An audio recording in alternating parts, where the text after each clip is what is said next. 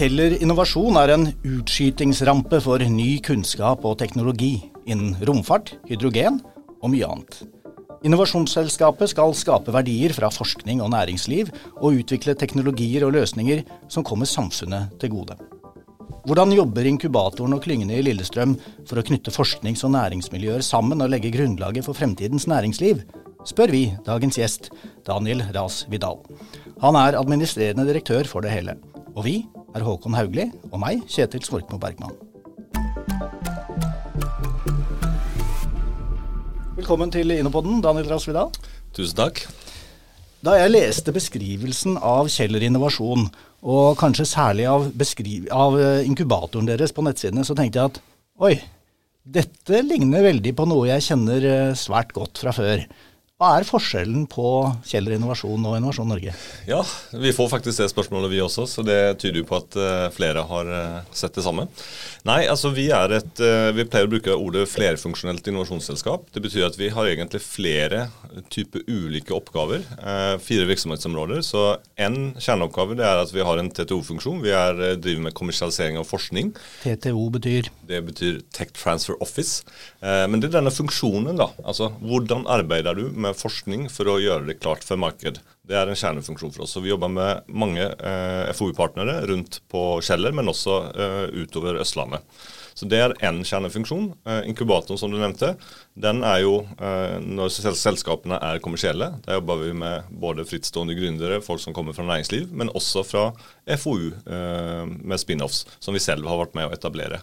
Um, og så har vi også en satsing på, på eierskap og investeringer. Dvs. Si at vi har litt kapital vi kan sette disse selskapene ut på vannet med. Det hjelper ofte for å få inn litt privat kapital eh, på veien, og at det går litt fortere.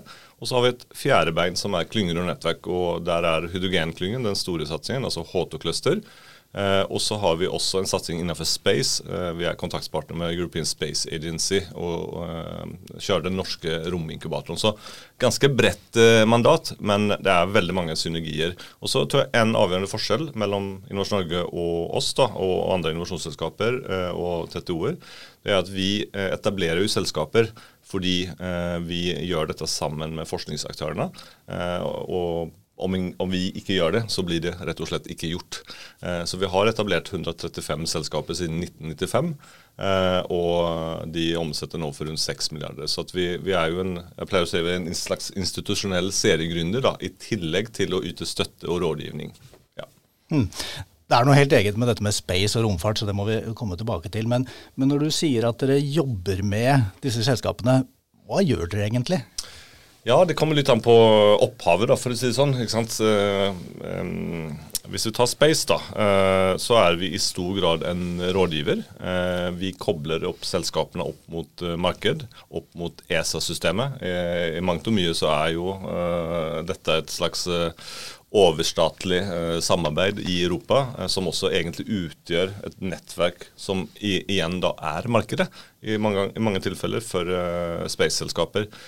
Og, og, disse selskapene kan jo drive på med alt fra nedstrømspace, altså bruk av satellittdata for å løse f.eks. oppdrettsproblemer eller landbruks, presisjonslandsbruk eller hva det måtte være eller så kan det være type turbomotorer til, til raketter som skal opp, opp, opp, i verdensrommet. Du Daniel, jeg bare sitter og tenker, det er jo helt sånn øh, Sikkert en tanke noen av lytterne har. Er det Hvorfor driver man med space og hydrogen på Lillestrøm? Ja, Godt spørsmål. Um, det, vil du ha det lange svaret? Ja, ja.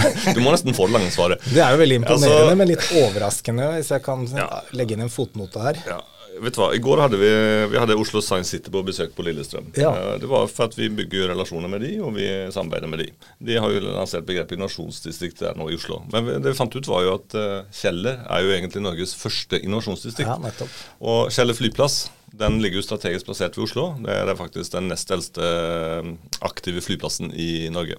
Eh, naturlig nok var den strategisk viktig den gangen det ble krig. Tyskerne tok den. Eh, og, og, Lillestrøm var et strategisk mål under krigen, dessverre. Eh, og når da eh, Norge tok tilbake landet sitt etter krigen, så tok man tilbake flyplassen igjen. Og um, noen av de byggene som står inne på Forskningsparken Kjeller, er faktisk bygd av tyskerne. Og tatt tilbake. da, og det man skjønte den gangen, eh, når eh, mange av eh, regjeringsmedlemmer og, og motstandsmenn var i Storbritannia og USA, var at teknologi og forskning og kunnskap det er sånn man kan vinne kriger. Ikke bare nå, men også i 1945. Så det var starten på FFI, mm. som da er Forsvarets forskningsinstitutt, en av våre eiere. Veldig fort etter det så etablerte man IFE, eh, som da het Institutt for atomenergi. Mm. Norge var altså land nummer seks i verden etter stormaktene til å etablere atomenergi. Det er helt sprøtt å tenke på, egentlig. Ja, det er ganske eh, så man jobbet med veldig avansert teknologi veldig tidlig. Og romteknologi er i mangt og mye også en slags spin-off fra dette. Vi husker jo alle romkappløpet og, og, mm. og, og um, Sputnik og, og månelandingen. Så det, det, er veldig lange linjer, da. Mm. Så det var det lange svaret. Ja, det er superspennende. altså Forskningstettheten Um da, rundt Kjeller den må jo være helt unik i norsk sammenheng? Det er 1700 forskere på, på veldig høyt nivå, eh, og verdensledende innenfor mange felter. Eh, alt fra eh, autonomi til, eh, til sikkerhets, eh, IOT, cybersecurity, eh, fornybar energi, batteri, hydrogenteknologi. Um, radiofarmasi, som igjen er en, eh, noe du da bruker kreftmedisin, men det er jo egentlig en spin-off fra at man bygde en reaktor i 1948, eller at man planla bygging av reaktoren fra 1948, som da ble klar rundt uh, 50-60-tallet. Mm. Altså, noe som um, har vært et viktig anliggende, og som OECD da, har pekt på at Norge ikke er gode til, det er det vi kaller kommersialisering av forskning. Så Litt tabloid kan vi si Norge er flinke til å lage kunnskap av penger, men ikke så gode på å lage penger av kunnskap. Men det er jo det dere holder på med. Ja. Kan du ikke si litt om disse 100, var det 135 var det det, selskaper. Ja. Ja. Hva er det de gjør, og, og, og er de, hvordan er veien, hvis du kan si noe generelt, da, veien deres fra forskning til å drive eh, kommersiell virksomhet? Ja, Jeg kan si noe generelt først, og så bruke et eksempel for å liksom ta, gjøre det litt mer praktisk. Um, altså Generelt, da. ikke sant? Uh, når du har den forskningstettheten, så våre forretningsutviklere jobber med disse miljøene, er ute hos dem, prøver å bygge relasjoner, forstå hva man jobber med. Um, det første vi gjør når vi begynner å, å, se på potensielle forskningsresultater eller ideer, det er jo å spørre oss selv og, uh, og forskeren og, og, egentlig verden rundt om er det egentlig marked for dette. Er det problemet du prøver å løse, er det viktig nok? Er det bare 10 viktig? Uh, eller er det bare 10 eh, performance-forbedring? Eller er det, uh, og, og hva er egentlig prisbildet her? Eh, og er det noen som vil ha dette mye nok til at det egentlig er verdt å, å satse penger på det? Så vi stiller ganske kritiske spørsmål, særlig knytta til marked, eh, kunder og, og, og det potensialet først. Eh, hvis vi finner ut at yes, her er det et adresserbart marked på mer enn 200 millioner per år, ja vel, da kan det være verdt å gå for.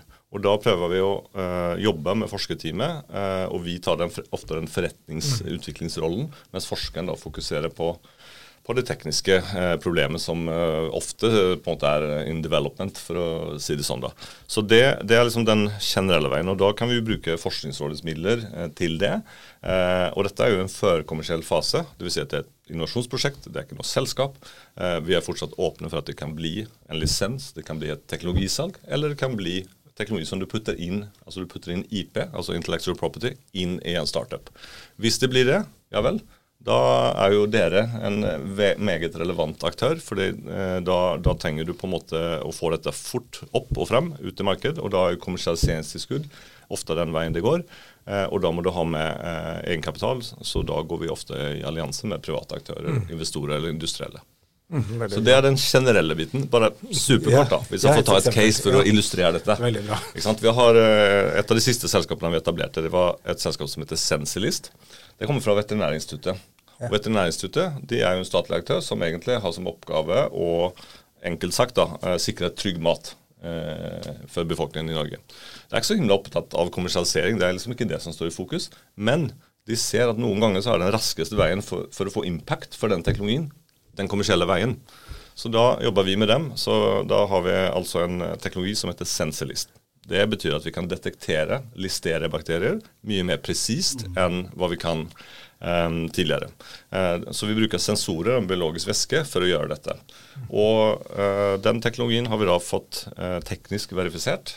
vi har fått inn en partner som er en norsk SMB, en industriaktør innen mathygieneindustrien. Eh, de har puttet inn penger. Vi har laget en joint venture. Vi har fått kommersialiseringstilskudd fra Innovasjon Norge, og nå skal vi gå i gang eh, og bygge produksjonsanlegg og skalere dette opp. Det som er fint, og som gjør at jeg tror at det caset kan komme til å lykkes bra, det er jo at dette SMB-selskapet har jo allerede markedsadgangen internasjonalt, særlig inn mot den internasjonale oppdrettsindustrien. Mm. Så dette kommer til å gå. Det er, det er, et uh, ganske sånn sammensatt landskap, dette her rundt forskerne og oppstartsbedriftene og offentlige og private, både eiere og aktører. Håkon, mm. hvordan ser du Kjeller Innovasjon i forhold til Innovasjon Norge og vår plass ja. i landskapet? Um, ja, altså verden er jo komplisert. Jeg tror vi må begynne der. da, fordi, og, det vil, og, det betyr at egentlig enhver slik prosess er helt unik og vil kreve helt, en unik tilnærming. da, Både fordi menneskene er forskjellige, teknologien er ulik og den reisen de går inn på er ulik. F.eks. har veldig stor forskjell på å kommersialisere en, et farmasøytisk produkt, det tar kanskje 30 år, eller en app som kanskje tar to dager. Og så Det betyr jo at vi trenger ulike verktøy og en, en, verktøykasse som er tilpasset. Um, ulikhet. Da. Eh, Kjeller Innovasjon og egentlig inkubatorlandskapet er jo ikke en konkurrent til Innovasjon Norge. Jeg tror vi må være helt 100% tydelig på det. Vi eh, er viktige eh, og ser på inkubatorene som viktige samarbeidspartnere. Mm.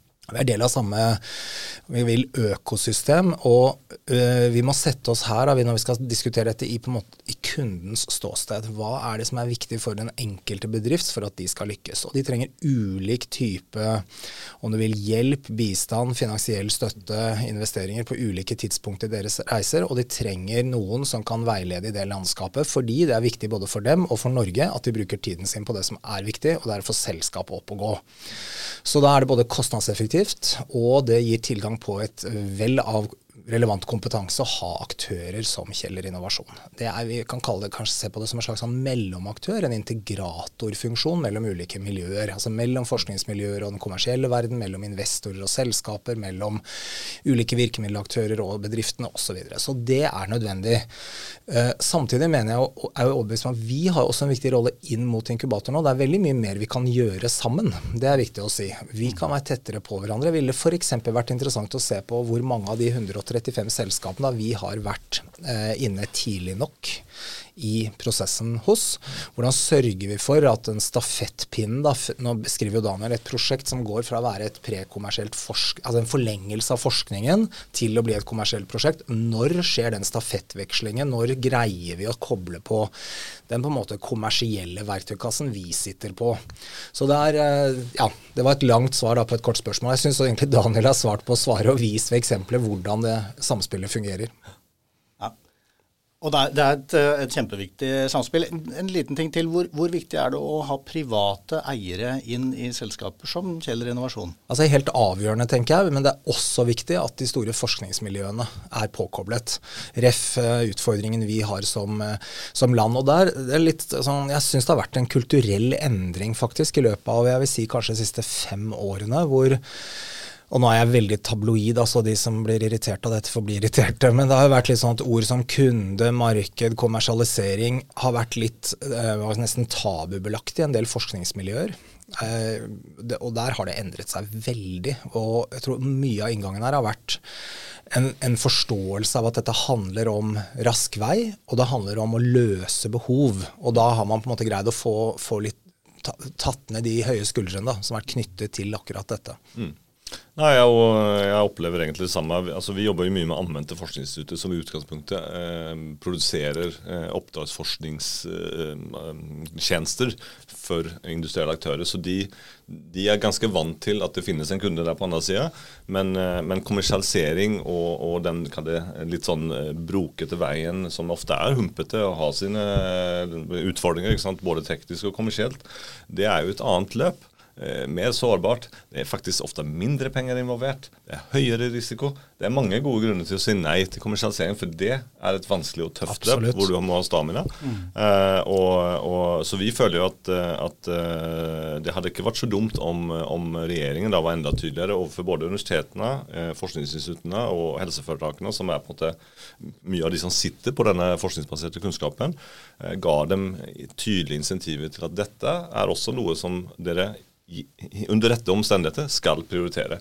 Ikke som en generell regel, fordi Det er klart at det, det er en strøm av en større hovedvirksomhet, men at man, at man sier tydelig at liksom, dette er også et viktig samfunnsoppdrag. Og vi da, og de andre innovasjonsselskapene eller TTO-ene vi er jo satt opp nettopp for å, å være denne mellomspilleren som på en måte kobler forskning, næringsliv og kapital sammen for å få dette til å lykkes fortere. Vi må litt tilbake til dette med, med romfart. ja. Norge er en, en bitte liten nasjon, men, men hvor er vi hen når det gjelder romfart? Ja, Vi er jo bl.a. på Mars, da. Um, så det, det, det, har jo litt å si. Altså, Rimfax, da, det er jo denne georadaren som FFI har utvikla. Den uh, måler jo da hva som skjer, eller hva som er under bakken på Mars.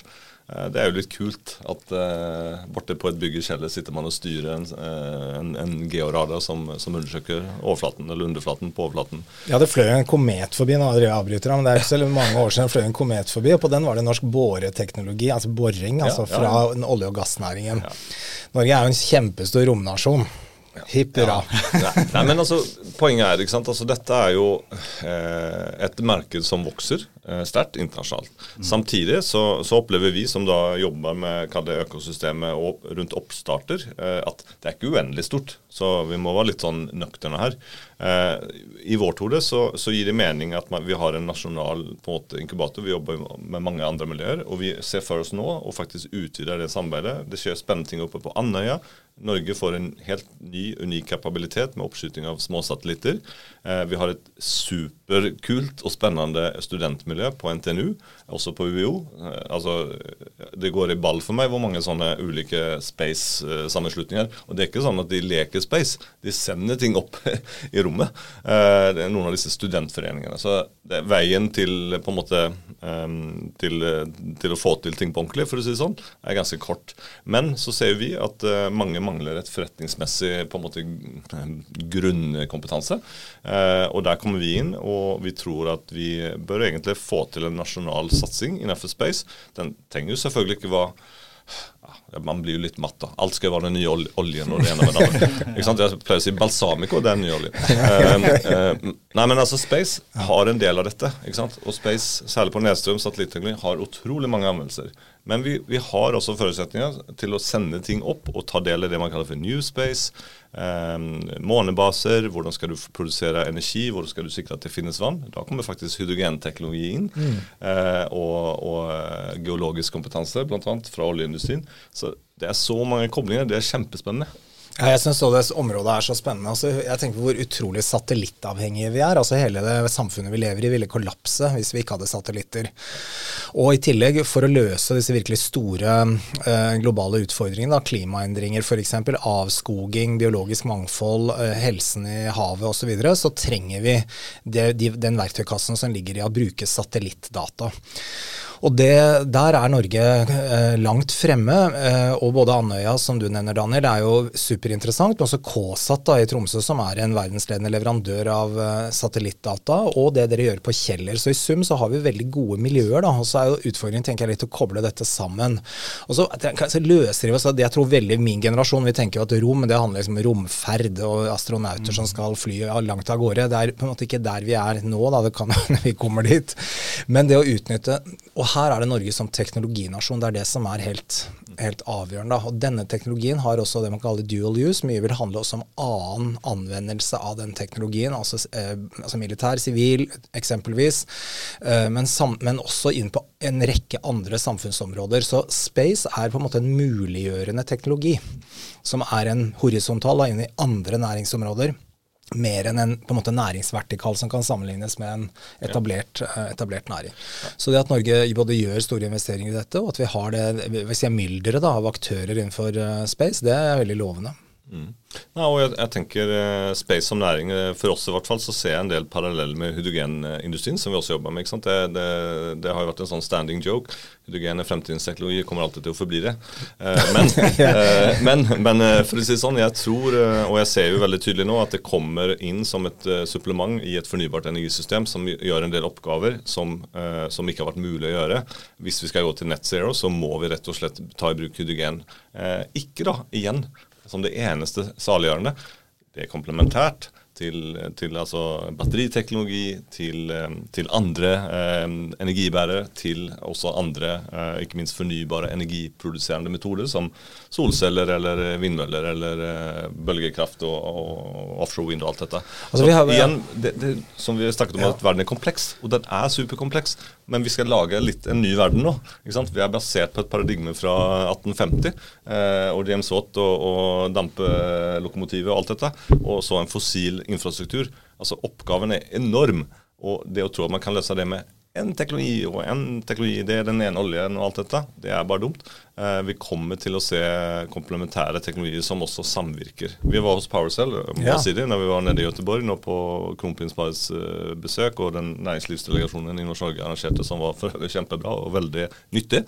Mange relasjoner. Men der så vi altså en brenselcellprodusent som eh, putter ut brenselceller som bruker hydrogen ut i verden eh, i mange applikasjoner. Og det de sa, vi er stort sett integrerte med batteriteknologi i hver eneste applikasjon. Så it's not uh, enten-eller, det er både og. Nei, og vi har utrolig dårlig tid. Altså åtte år på å møte klimamålene. En kolossal utfordring med denne energiomstillingen som hele verden uh, skal i. Og jeg kjenner veldig på utålmodighet der, da, både på at på disse områdene, batterier, hydrogen, energisystemer, anvendelse, altså el, elektrifisering av både trafikk til lands og til vanns, så går det altfor sakte.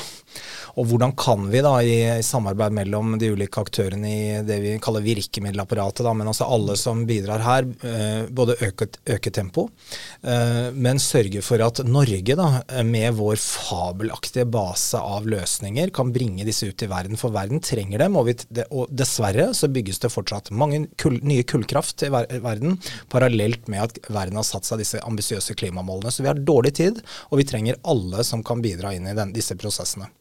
Vi begynner så smått å få dårlig tid her også. Ja. Eh, men, men, Daniel, når, når, du jobber med disse innovative selskapene, og, og du, du, jobber for å få til masse nyskaping, hvem er det som, som inspirerer deg?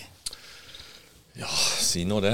Um, altså det er rett og slett alle de menneskene du møter. da. Fordi du møter jo mange folk med, som har det, som har pågangsmot, som har liksom dette skal jeg få til.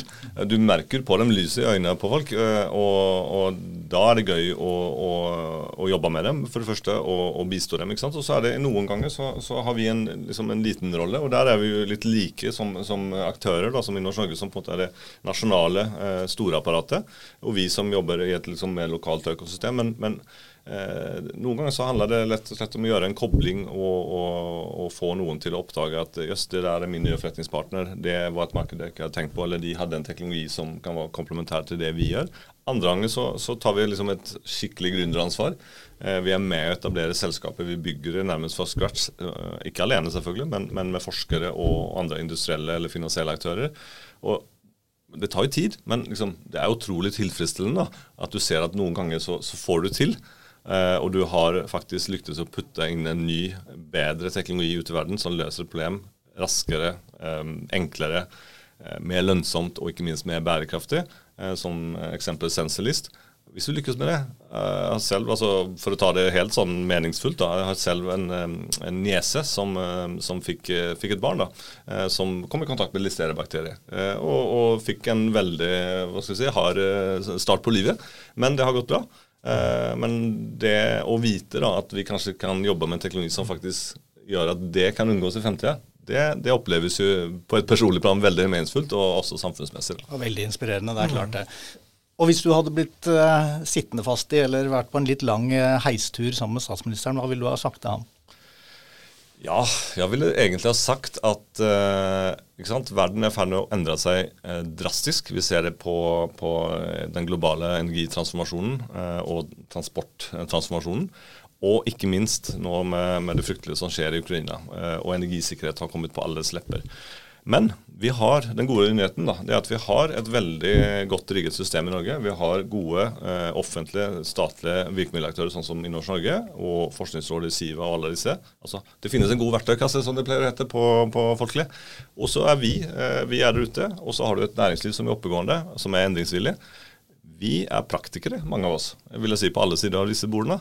Vi vil jobbe fram løsninger. Eh, her er det masse pågangsmot.